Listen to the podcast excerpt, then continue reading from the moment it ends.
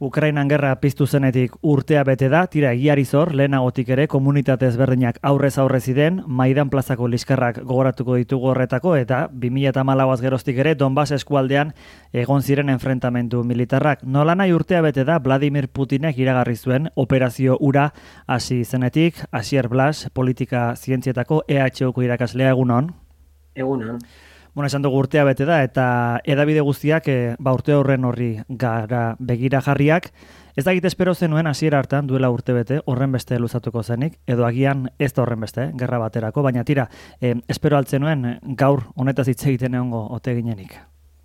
Bueno, egia esan ez nuen pentsatzen oraindik honetaz hitz egiten arituko ginenik, pentsatzen ez nuen bezalaxe, e, Rusiak ba, e, hasiko zuenik, batez ere hasierako planekin, ez da? Ikusten zen argi eta garbi bilatzen ari zen azala Georgian 2008an egin zuen e, ba, operazioaren antzeko zeo zen, biru astetan gerturatu Kiefera, presionatu bertako gobernuari, eta eserrarazi, ba, Moskou nahi zituen baldintzetan sinatzeko ba, bake akordioren bat, edo berreskuratzeko Minskeko akordioak, ez da, bake akordioak. Eta guzti horrek e, utz egin zion, hori bai ikusten nuela behin e, abia puntu horretan jarrita, ba oso zaila izango zuela Errusiak Georgian egin zuena errepikatzea, hain zuzen ere, e, urte asko pasatu direla ordutik, 2008an izan zen Georgiako e, gerra, eta 2008an dagoeneko e, NATO Ukrainan zegoen. Ukraina zen NATOko kide, baina Jens Stoltenberg NATOko e, idazkari nagusiak behin eta berriro esan digun bezala azkeneko urtean NATO dagoeneko antzegoen Ukrainako e, armada entrenatzen, ekipatzen eta e, aholkuak ematen. Bueno, ikusita zenolako bilakera hartu duen gerrak, orain, bueno, Donbass inguruan ari da zentratzen enfrentamendu guztiak, baina baliteke beste urte bete pasatzea eta eta honi buruz hitz egiten jarraitza alegia, badirudi hau luzerako doala zoritxarrez, zantzu guztien arabera urte hau ere, ba, gerra urte izango da, seguruenik, ez dira negoziaziorako aurrera pausu handirik e, iragarri, ja, dagoen bakarra da txinanena, ikusiko dugu txinak ze, ze proposamen plazaratuko duen, baina gainez okaraz palmenaiz gaurkorako iragarrita dago, eta gainontzekoan, ba, ikusi dugunagatik, bi parteek, momentutan ez dituzte pizgarri asko negoziatzeko. Mhm. Egia da hasieran martxoan eta apirilean aukerak egon zirela gerrarekin amaitzeko. Hain zuzen ere Benetek esplikatu digu, e, Israeleko lehen ministro hoiak, esplikatu du, ba, martxoan Israelek bitartekaritza lan egin zuela Mosku eta Kiefen artean, eta biek borondatea azaldu zutela, gerrarekin amaitzeko eta akordio batetara iristeko. Mhm. Baina borondate hori, ba, saboteatua izan zen, Amerikako estatu batuak eta erresuma batuagatik. Eta hori esan da, ba, Israeleko lehen ministroagatik, esango nuke oso esaguratua dela, intzutzen ere, beraien aliatua baita. Eta gero badakigu ere, apirilean, Turkian, Erdoganen bitartekaritzarekin, bi gobernuek ere elkar lotu zirela negoziazioetan, eta iaia Ukrainska Pravda, Zelenski zalea da, nagerkari digital Ukraina oso importante, importante baten arabera, Ukrainako goi funtzionarioak kontsultatuta, ba, Ukrainska pravdaren arabera akordio batetara iritsi ziren, azkeneko xeetasunak falta ziren eta sinadura. Eta sina ez edin, ba, erresuma batua eta Amerikako estatu batuakek martxan jarri zuten berriro ere saboteatzeko e, plan bat, eta plan horren baitan, ba, badakigu, ba, Boris Johnson lehenengo aldiz, mendebaldeko agintari bat Kiefen lurreratu zen eta e, ba, debekatu egin zion Ukrainari bake akordio hori e, istea. Ze azken batetan Ukraina ikusi dugunagatik, ba, aspaldi 2008tik soberania gutxi zuen herrialde bat zen, baina dagoeneko bere soberania guztia iaia Amerikako estatu batuak eta erresuma batuaren esku dago. Honek zer eh, ematen digu aditzera? Ba, e, gerra, gutxinez, ja apiriletik aurrera argi eta garbi NATO eta Rusianen arteko gerra bada, eta bitartekaria Ukraina da. bueno, hori diru ez orain desgaste fase batean ari garela sartzen militarki behintzat, ikusten ari gara jadanik tankeak eta bestelako medioak ailegatzen ari direla e, Ukrainara, eta zentzu horretan badirudi gogortu edo krudelduko dela behintzat gerra. Eta testu honetan, beti ere ikuspegi politiko batetik, aipatu duzu saiakera ezberdinak egiten direla, imaginatzen dut, bi aldea saiatuko direla, urrengo negoziak eta fase batean, alik eta indartsuen iristen, ezta? Em, zentzu horretan, e, noiz zabaltzen dira, horrelako aukerak, noiz zabaldu daiteke, aukera berri bat akordio baterako, elkarrezketarako, diplomaziarako, hori diot, ze, bueno, Josep Borrell entzun besterik ez dago, gerraren apologia eginaz, estatu batuak edota, natoko buruak, ze aukera ikusten dituzu?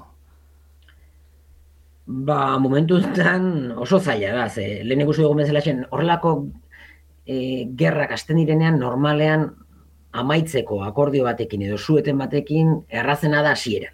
Eta hasieran posible izan zen, baina e, natok ez zuen nahi izan, Amerikako Estatu Batuak ez zuen nahi izan, hain zuzen ere beraiek, eta hori Joit Austin, Amerikako Estatu defentsa idazkariak, hau da, guretzako ministro izango litzatekena, adierazi zuenagatik da. Azken batetan Amerikako Estatu Batuakek hasiratik erabaki zuen gerra hau luzea izan behartzuela, Errusia igatzeko erabili behartzutelako. Eta alde horretatik, behin e, auk, lehen aukera, lehen bi aukera horiek galdu zirela, ja, dagoeneko Errusia gartu zuen erabakia gerra luzea izateko, dudari gabe Ukrainak e, etzekan zer esanik honetan, eta e, Amerikako Estatu Batuakek eta, eta Erresuma Batuak esan zioten luzerako gerra bat behar zula izan, eta horretan e, murgilduta dago ordutik. Une honetan, ikusten dugunagatik, Ukrainak ez dazka pizgarririk e, negoziazio batetara joateko. Zergatik? Ze jakin badakigu, Ukraina momentu hontan Minskeko akordioak bete izan balitu, Donbass bere kontrolpean izango lukela autonomiaren bidez. Autonomia eman da, nola baitere ez da. Eta badakigu gainera, hori kontatu digutelako Zelenskik Poroshenkok, aurreko Ukrainako presidenteak, eta berretxe dute Holandek eta eh, Angela Merkelek, hasieratik Minskeko bake akordioak sinatu zenean 2008an eta 2008an, Ukrainak ez duela izan borondaterik akordio horiek betetzeko. Ez zekaten asmorik.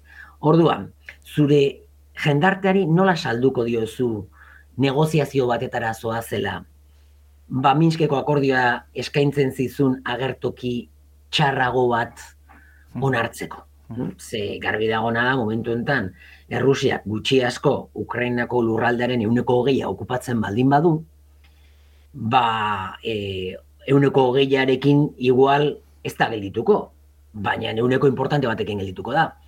Eta urte beteren suntxipena, gerra, e, pobretzea, hildakoak, guzti hori irentxe egingo da, Minskeko akordioek eskaintzen zuten agertoki baina okerrago batengatik uh zaila dirudi.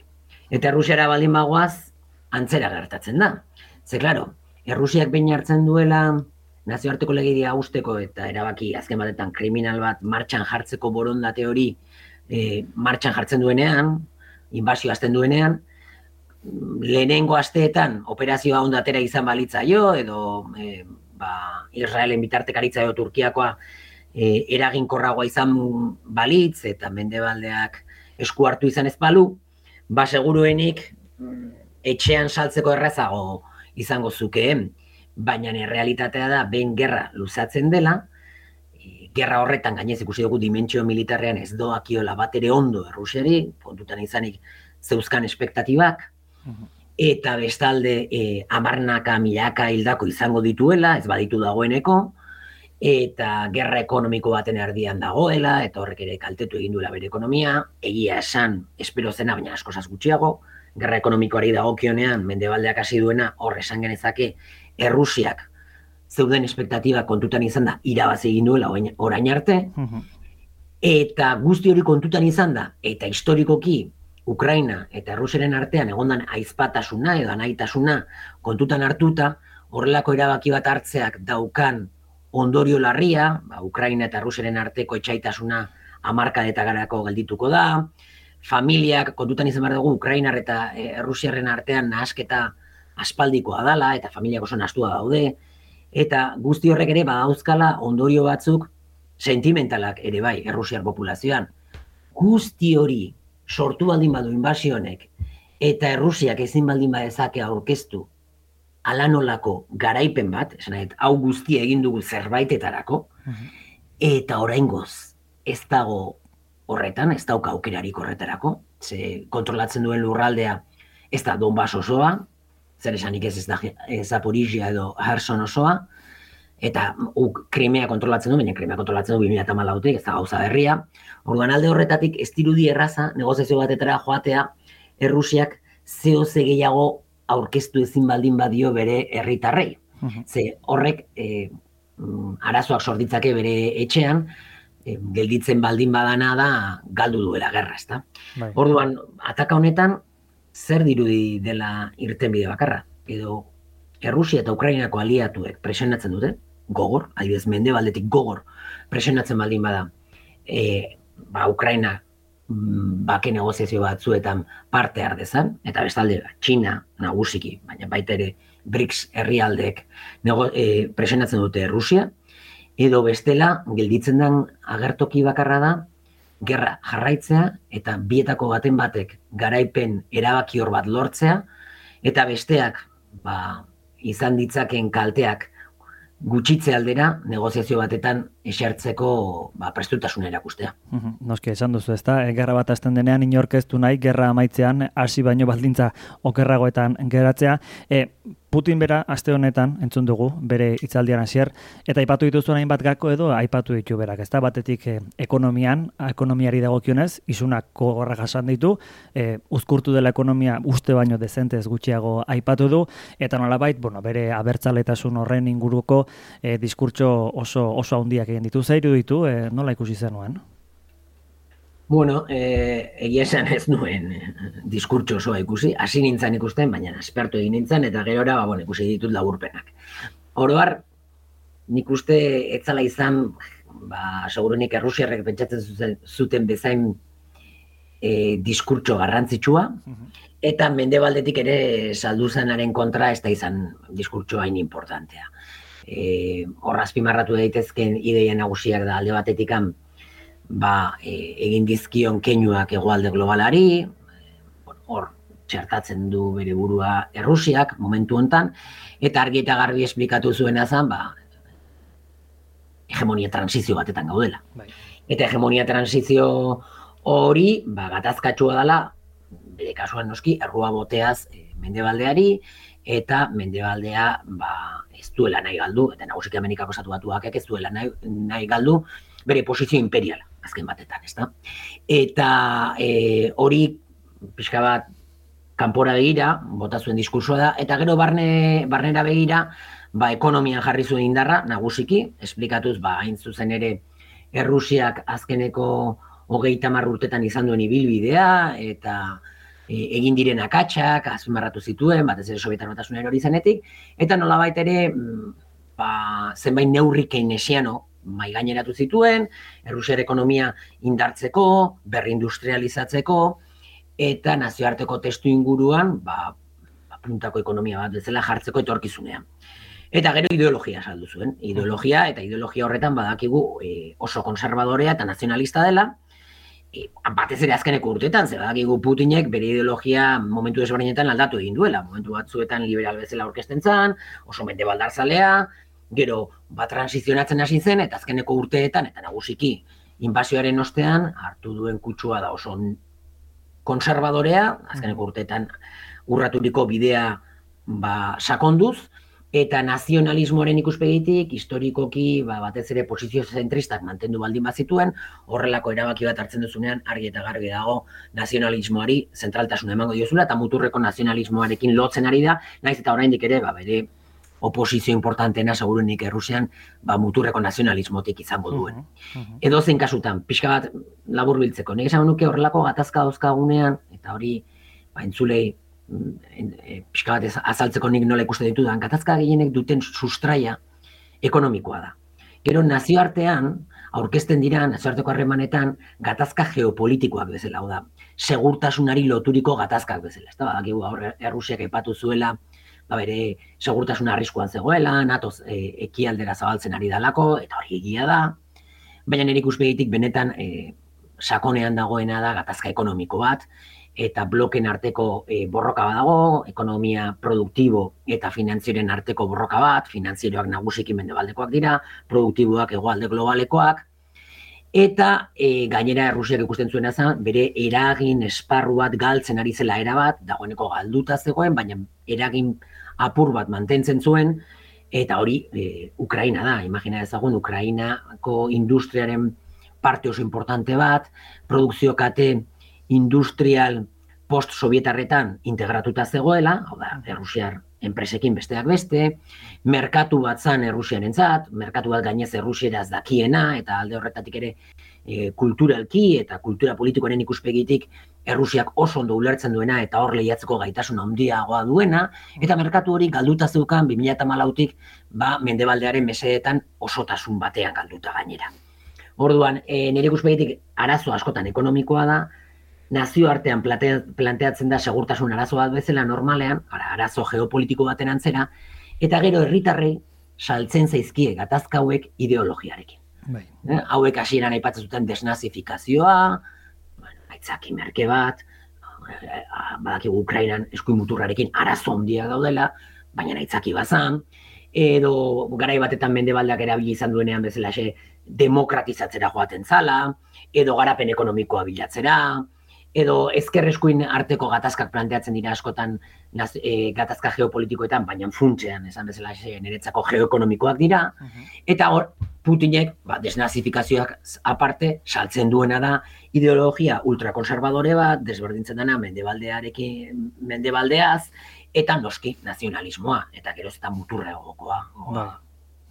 Bueno, eh, interesgarria e, geoekonomia kontzeptu hori dakigunako, eh? Etxean ere hemen dena ekonomiak eta diruak baldintzatzen du ekasu honetan, bueno, munduan hegemonia hartzen ari den indarra Txina da zalantzari gabe eta munitzeko segurtasun batzerrean zuk esan bezala bake proposamena egingo duela esan du. Estatu batuak ere entzun dugu Txinaren aurka eginez, e, bueno, bazuk esan duzu ondoren bagian testu inguru hori baliatuz ezta? Armak saltzen dizkiola Errusiari eta eta abar agian em, bueno, ekonomia hegemonia hori dago azken finean, guztionen atzean, e, txinari dagokionez, estatu batu dagokionez, nola ikustu dituzu, bueno, batetik estatu batuetan, bueno, aipatzen da askotan arrakala gaudela barruan, gerra honen finantzaketaren inguruan, ekonomiari dagokionez di, diotelako, eta bestetik txina, ea ba, ze paper jokatzen duen honetan. Bueno, txineak nik uste momentu enten garbi daukana da, orain mendebaldea Errusiarekin tematuta dagoela, orain, aspaldi tematuta dagoela, gogoratuko dugu 2008an Rand korporazioak ateratako txosten batetan Rand korporazio existitzen da mila ederatzen da berrogeita sortzitik, eta da Pentagonoko think tank importantena. E, bertan lotzen dira armada, defentsa, e, idazkaritza, e, estatu idazkaritza eta abar, eta egiten dituen gomendioak normalean garrantzia dute, eta 2008an planteatu zuen e, ba, txosten batetan estrategia bat Errusia estresatzeko eta Errusiak estres horren ondorioz ba beraiek aurre ikusten zuten azan ba inbasioaren antzeko zeo zer gertatuko zela Ukrainan eta asmatu egin zuten. Eta baita ere txosten horretan aipatzen zuten ben Errusiak inbasio hori hasten baldin bazuen zen neurri hartu behar ziren gerra ekonomiko bortitz bat hasteko Errusiaren kontra.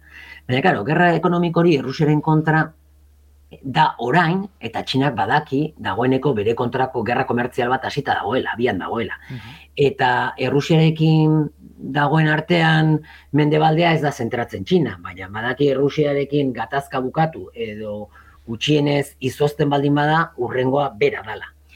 Eta hori gainera Rand korporazioak egineko txosten berri batetan, oan dela hilabete argitaratua, argi eta garbi eh, esaten zuen, urte beteren ostean, ba, e, Ukrainako gerra oso oparoa izan zala e, Amerikako estatu batuentzat, badakigu ekonomikoki indartu egin duela, e, besteak beste Europar batasuna gatibu hartu duelako, bere interesetara ainguratu du, eta odul, odolusten ari da. Ze, guk egiten duguna da gastu militarra igo, eta hori da dirua bilatzen duguna zuzenean Amerikako estatu batuetara.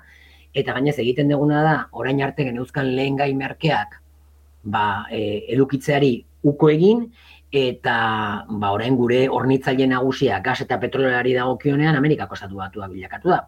Asko ere garestiagoa dan hornidura da eta ba, lehen gaien prezioa irukoiztu, laukoiztu egin da. Eta horrek impacto handia izan du, besteak beste, Alemaniako industrian, eta Alemaniako industrian impactoa izaten jarraituko du, bide batez gogoratu ezagun Euskal Herriko industriaren parte handi bat Alemaniakoarekin dagola oso konektatuta, beraz lehenago edo beranduago iritsiko zaigu ere bai, ba Alemania asko sufritzen ari da. Defizit komertzial ikaragarria izan du, inoiz azkeneko hiru lau hamarkadetan defizitik izan ez duenean, eta bere enpresa asko joan egin zaizkio Amerikako estatu batuetara. Beraz, RAN korporazioak zioena e, bere txosten horretan zan, bueno, indartu gara ekonomikoki, igatu dugu Errusia, baina joan behar dugu pixkanaka pixkanaka Ukrainako atala isten. Eh, bake bideak ireki behar dira, ze bestela Errusia bukatuko du era bat Txinaaren besoetan, eta gogoratu dezagun gure lehenengo helburua Txina dela, gure benetako lehiakidea Txina dela. Horregatik Txinak badaki, eh, bera urrengoa dela. Mm. Eta alde horretatik, ba, hau egon euneko eunean edo partzialki Errusiarekin ez dago dudarik txinatarrek egite duten modu horretara, ere isilean, eta nahi baldin bada e, era elegantean, baina funtsean badakigu Errusia babesten ari direla. Eta e, gerra ekonomi, Errusianen kontrako gerra ekonomikoak zer erakutsi digu, ba mendebaldeak orain arte nazioartean pirateri asko egin dute. Noski, ikusi ditugu nola ostu dizkioten aktibo ekonomikoak Iraneri, Venezuelari, baina Errusianen kontra egin dutenean, e, bere aktibo ekonomikoak izoztuz edo lapurtuz, mendebaldean zeuden lekuetan, e, mendebaldeko e, herrialde desberdinetan, horrekin egiten ari direna da, erakusten gainontzeko munduko herrialdei, Errusiarekin atrebitu baldin badirela, ba, biharra atrebitu daitezke Indiarekin, Txinarekin, Nago Afrikarekin, Brasilekin, beste edozen herrialderekin. Eta honek, azkartu egin du, aspalditik zetorren prozesu bat, poliki, mantxo, mantxo ibiltzen zan, baina bat zegoen prozesu bat desdolarizatzeko egoalde globalean, hau da, erabiltzeko beste moneta batzuk nazioarteko merkataritzan, e, ordainketa mm, sistema alternatiboak erabiltzeko, e, SWIFT e, sistema finanzierotik ba, aparte sistema finanziero berriak sortzeko, hoi guztiak bazeuden, baina oso mantxo zijoazten. Eta orain, erabat azkartu dira, ikusita e, errusiaren kontra abiatu den gerra ekonomikoa. Bueno, guztia lotura, esan dakoa, eta gerra ekonomikoa ondoren bilakatzen da beste, beste motako gerra, gerra batean. Bueno, esan dugu diplomaziak ikusi beharko du etarterik baduen ala ez, eta zerk bultzatuta e, esertzen diren alde bata eta bestea. E, amaitze aldera joko dugu basierrongi baderitzozu, baina amaitu nahiko genuke ondoren aipatuko eta landuko dugun gai eta pertsona batetaz, Pablo Gonzalezen egoera ere hartu behar dugulako, esan duzu gerra honek albokalte asko dituela, gure egunerokoan, potxikoan, ba, ez dago, zer ikusirik, ikusi besterik ez dago, ez da, erosketak egitera joan eta zenbateraino igo diren lehen gaiak, eta gertutik ere jodiguna, Pablo Gonzalezen atxiloketa da, behin-beineko espezialdian dago, e, inkomunikaturi jarretzen du oso baldintza muturrekotan, ez dakite gaiaren inguruan, zenolako ikuspuntua duzun. Bueno, Pabloren eh, tesi zuzendarian inaiz, eh, hemen Euskal Herriko Unibertsitatean tesi bat egiten ari zen Georgiako e, eskuin muturrari buruz, eta nola koesionatzen ari zen, eta horretarako nola erabili zuen 2008an gay pridearen kontrako mobilizazio bat, eta gainera oso gaizki bukatu zuena, zerasotu zituzten manifestazioetan eta parte hartzen zutenak, eta horrez gain ere Pablo nere nere laguna da, ezta? Eta atzo bertan jaso nuen bere bere gutun bat eta bueno, mm, egia esan gogorra iz, e, izaten ari da, ze urtebete luze egonda atxilotua eta e, gartzelan preventiboki, baina horietako hilabete asko isolatuta egonda eta orain de facto iaia isolatuta dagoela esan genezake. Uh e, izan ere, ba, bueno, e, ordu beteko mm, patioko sesioa dauka egunero, baina bakarrik egiten du, ez, ez dago kontaktuan gainontzeko presoekin, eta bestelakoan, ba, txaboloan hogeita iru ordu egoten da. Eta gogoratu dezagun, ba, bere e, bikotearen ba, bisita bakarra izan duela. Eta gutunak iristen zaizkio, gutxi asko pentsatzen dugu guztiak iristen zaizkiola edo, baina niru hilabete beranduago. Eta ezin izan du egin ez da telefono dei bat beraien semeekin hitz egiteko. Orduan, baldintzak oso gogorrak dira, dudari gabe, ezta?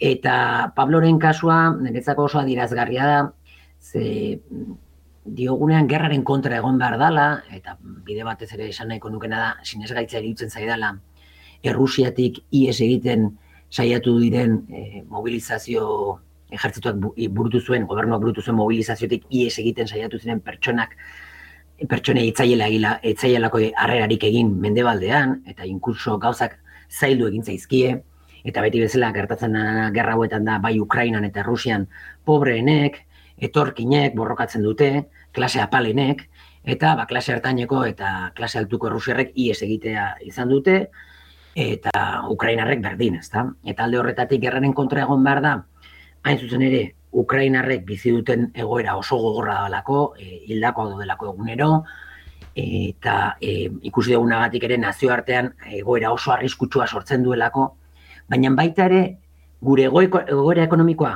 ba, e, kaskartu da gerragatik, baina gure eskubideak, eskubide zibilak kaskartzen ari dira. Eta ikusten ari gara, nola gerra egoeran gaudenean justifikatzen dira, ba, zentsurak, mm, zenbait edabide itxe egin ditu Europak, Europar batasunak, ikusi dugu ere gainera sare sozialen kontrol hartxia burutzen dutela, bai Facebooken, aitortu du te Facebookeko jabek, Elon Musk iritsi danean Twitterera desklasifikatu dituen dokumentuekin ikusi dugu Twitter ere kontrolatuta zegoela, eta zentsuratuta zegoela, eta horren beste adirazle bada, ba, e, nola tratatzen diren, ba, bersio ofiziala kontatzen ez dituzten e, kazetariak eta edabideak, ezta? Eta horien adibide bat, e, Pablo González da, bera gutunean atzo bertan kontatzen zian, gero ez da garbiago daukala, zorein telebista daukat, Apolo, Poloniako telebista ikusi dezake gutxienez, eta konturatzen da pixka gertatzen ari danaz, ezta? Zeleno etzan konturatzen.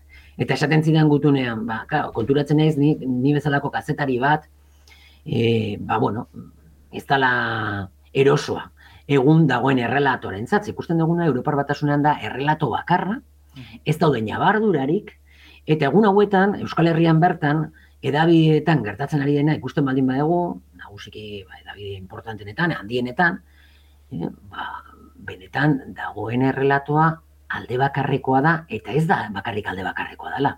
Zaman duke, kasu askotan propaganda hutsa dela. Bai, eta, eta zentzu horretan, bueno, irensten duguna, beti, beti da lako, eh, ba, ikuspuntu mila, eta eta hiek bilatu behar, ematen digutena irentxigabe beti, eta zentzu horretan, ba, saiatuko gara, bestelako ikuspuntuak ere ekartzen, Pablo Gonzalezen egoera salatuz, e, eta gora ekarriz, Asier Blasekin gaur elkarrizketa Ukrainako egoera, inbasioa eta bateren eta bestearen alde honak txarrak eta ze etor daiteken aurrerantzean jakiteko. Asier, eskertzen dizu gurean izateagatik gaur. Eskerrik asko zuei.